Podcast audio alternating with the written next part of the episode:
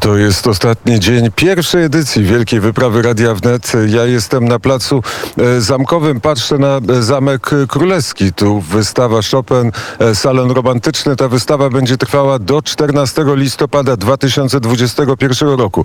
Ale w Wielkiej Wyprawie Radia Wnet towarzyszyło nam w każdym mieście Polska Press. Rozmawiałem z redaktorami naczelnymi gazet lokalnych, a teraz szefowa Dorota Kania, redaktor naczelny Polska Press jest przy telefonie. Dzień dobry, pani redaktor. Dzień dobry panu, dzień dobry państwu. Nie tylko dobre, ale i smutne wiadomości towarzyszyły nam w czasie wielkiej wy wyprawy. Ta smutna wiadomość to śmierć Jerzego e, Targalskiego, z którym Dorota Kania była e, zaprzyjaźniona. Wielka e, strata, wielki, wielki smutek. Straciliśmy olbrzymią wiedzę wraz ze śmiercią doktora Jerzego Targalskiego. E, tak, odszedł rzeczywiście w najmniej spodziewanym momencie. Zawsze jest tak, że na odejście jest za wcześnie różnych osób, chociaż jak mawiają, życie to śmiertelna choroba i jesteśmy przygotowani w jakiejś tam perspektywie na odejście, ale tutaj rzeczywiście nastąpiło to zdecydowanie za wcześnie. Jerzy był wyjątkową postacią, analityk, ogromna wiedza ale pozostawił po sobie książki, pozostawił po sobie analizy, pozostawił po sobie mnóstwo dokumentów. E, to był niezwykle pracowity człowiek. Naprawdę to jego e, pracowitość to można no, to aż trudno określić tę, tę, tę, jego pracowitość, dlatego że to był człowiek, który pracował od rana do nocy. Jeżeli nie czytał, jeżeli nie tłumaczył, jeżeli nie analizował, jeżeli nie e, przetłumaczał kolejne, kolejne mm, teksty z różnych języków, bo przecież był to ogromny poliglota, znał wiele języków, to po prostu pracował w ogrodzie. Miał przepiękny ogród kupił mieszkanie właśnie po to, żeby na parterze, żeby mieć ogródek, po to między innymi, żeby koty miały gdzie wychodzić, bo przecież był zapalonym kociarzem, jak to się mówi. E, miał pięć kotów i chciał stworzyć e, jugosłowiański, znaczy może nie jugosłowiański, ale bałkański ogród. Kupował rośliny, które rosną na Półwyspie Bałkańskim i co jakiś czas te rośliny mu usychały i w końcu i w końcu dał za wygraną i kupił po prostu polskie bluszcze, polskie rośliny, ale nie tylko. Ja jeździłam z nim do um, różnego rodzaju sklepów ogrodniczych, wybieraliśmy te rośliny, on to sadził. W ciągu bardzo krótkiego czasu miał tam prawdziwą dżunglę. Ale e, oprócz tego był to człowiek, który e, był bardzo ciepły, z ogromnym poczuciem humoru. Nigdy nikomu nie odmówił pomocy i o tym naprawdę warto pamiętać. Wiele osób, jego przyjaciół o tym wie.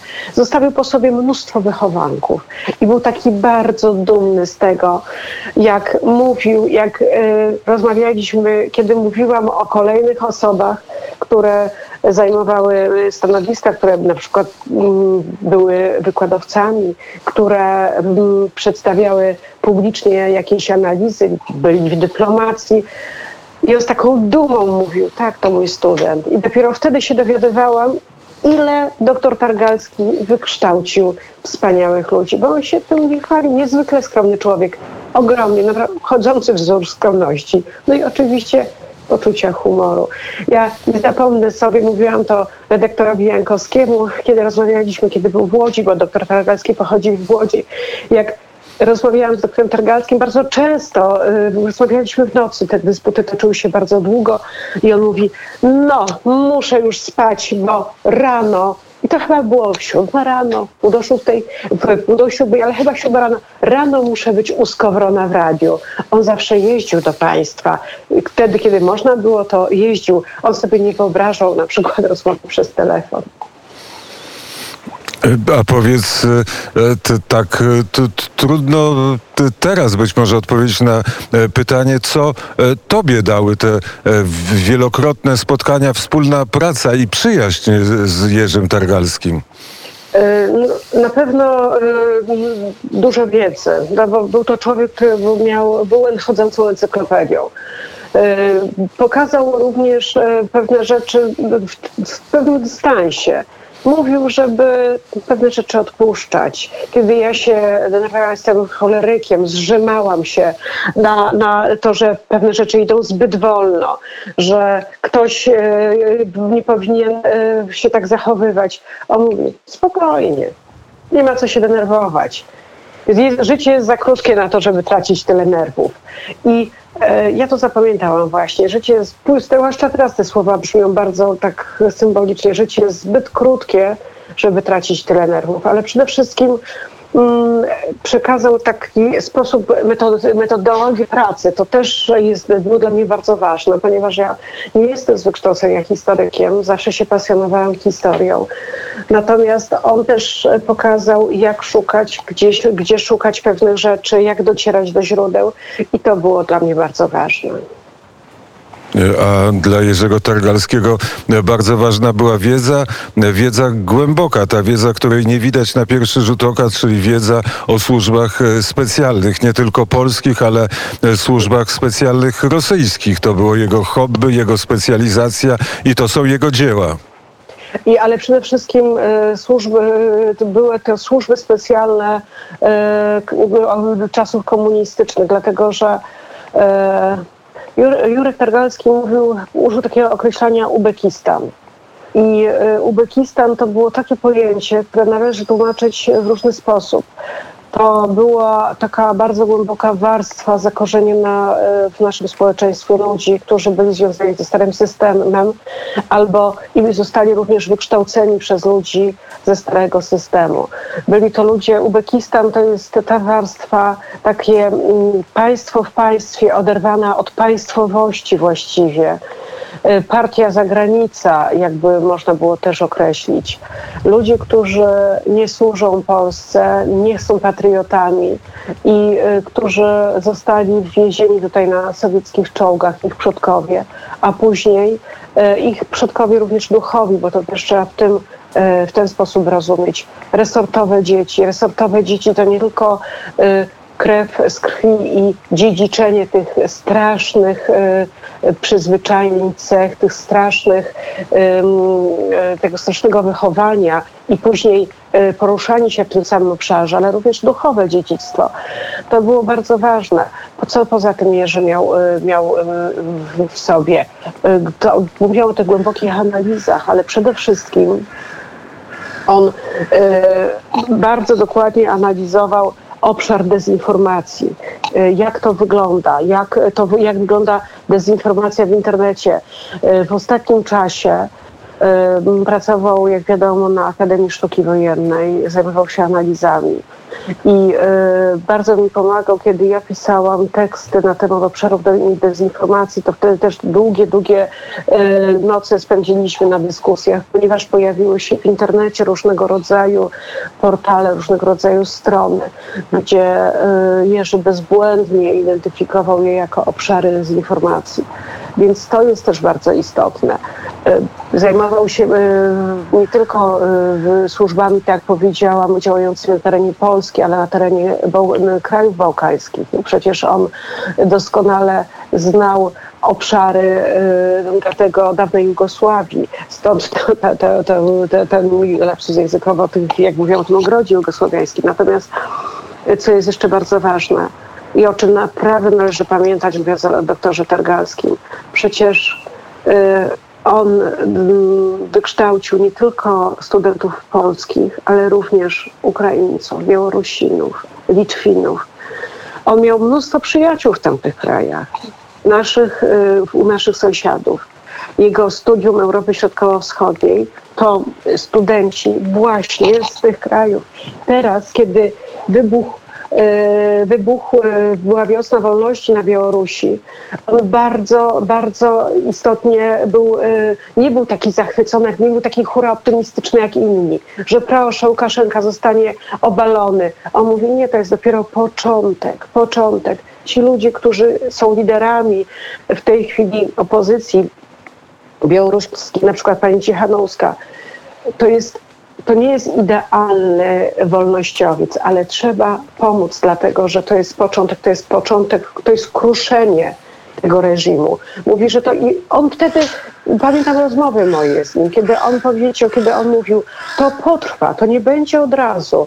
To nie jest tak, że jest taki, wszyscy się cieszą, mówią hura optymizm. Nie, to będzie kruszało przez lata, ale już się coś zaczęło. I yy, tak mówiłem na początku, niezwykle skromny człowiek. Wiele osób dopiero po jego śmierci dowiedziało się, kim był naprawdę. Dzwonili do mnie ludzie, mówią, matko, nie wiedziałem, nie wiedziałam, że on się ukrywał w latach 80., że działał w Korze, że działał na kierunku paryskim. Ludzie bardzo zacni, zajmujący ważne stanowiska w, w, w wielu, wielu e, instytucjach, działali z nim na kierunku paryskim. Ale jeszcze Pan Jerzy było widać, jak myśmy się śmiali, że był obywatelem francuskim. Rzeczywiście był obywatelem francuskim, był obywatelem polskim. Mieszkał wiele lat we Francji.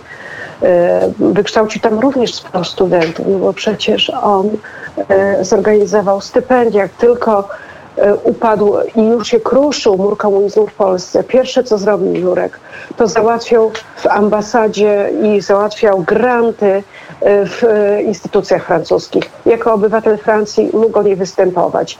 Załatwił granty na uniwersytetach francuskich i ściągał młodych ludzi, żeby jak najwięcej osób się wykształciło, żeby przeszły, y, przeszli te wszystkie szkolenia na uniwersytetach francuskich w różnych miejscach po to i przede wszystkim, żeby się mogli nauczyć języka. Dla niego to było najważniejsze. To już legendą obrosła historia, jak, jak nie wypłacał stypendium, nie wypłacał e, diet swoim studentom, którzy byli studentom swoim, e, tym, których uczył we Francji, w Paryżu. Każdego dnia ich po południu egzaminował z ilości słówek, jakie się nauczyli. Jeżeli ktoś nauczył się na pamięć 100 słówek, to wtedy dostawał odpowiednią dietę na ten dzień. Także dodajmy, do, do, dodajmy jeszcze e, jedno zdanie, że patrząc w przyszłość w, właściwie nie był optymistą, tak z pewną, z pewną e, ironią mówił i przewidywał e, to, co się wydarzy, to, co jest za progiem naszego dzisiejszego dnia. Oczywiście, że tak, ale, ale przy tym miał przeogromne poczucie humoru. Przeogromne poczucie humoru. Ten humor czasem był gorzki, ale jednak, e, że miał naprawdę, był to, e, był bardzo wysublimowany, i rzeczywiście w jego towarzystwie trudno się było e, nudzić i smucić, bo nawet jeżeli były problemy, to potrafił bardzo szybko je rozładować i e, on do wszystkiego podchodził bardzo metodycznie, bardzo metodycznie. E, pamiętam, jak miał coś, był świetnym organizatorem, rewelacyjnym. To on właściwie budował portal niezależna.pl w ten najlepszy, w tym najlepszym jego okresie. Y, to on wyszukiwał ludzi, to on wskazywał i rzeczywiście potrafił wyłuskać całe perełki ludzi, którzy w tej chwili naprawdę mają bardzo duże y, w tej chwili pole do działania i bardzo ważne obowiązki powierzone.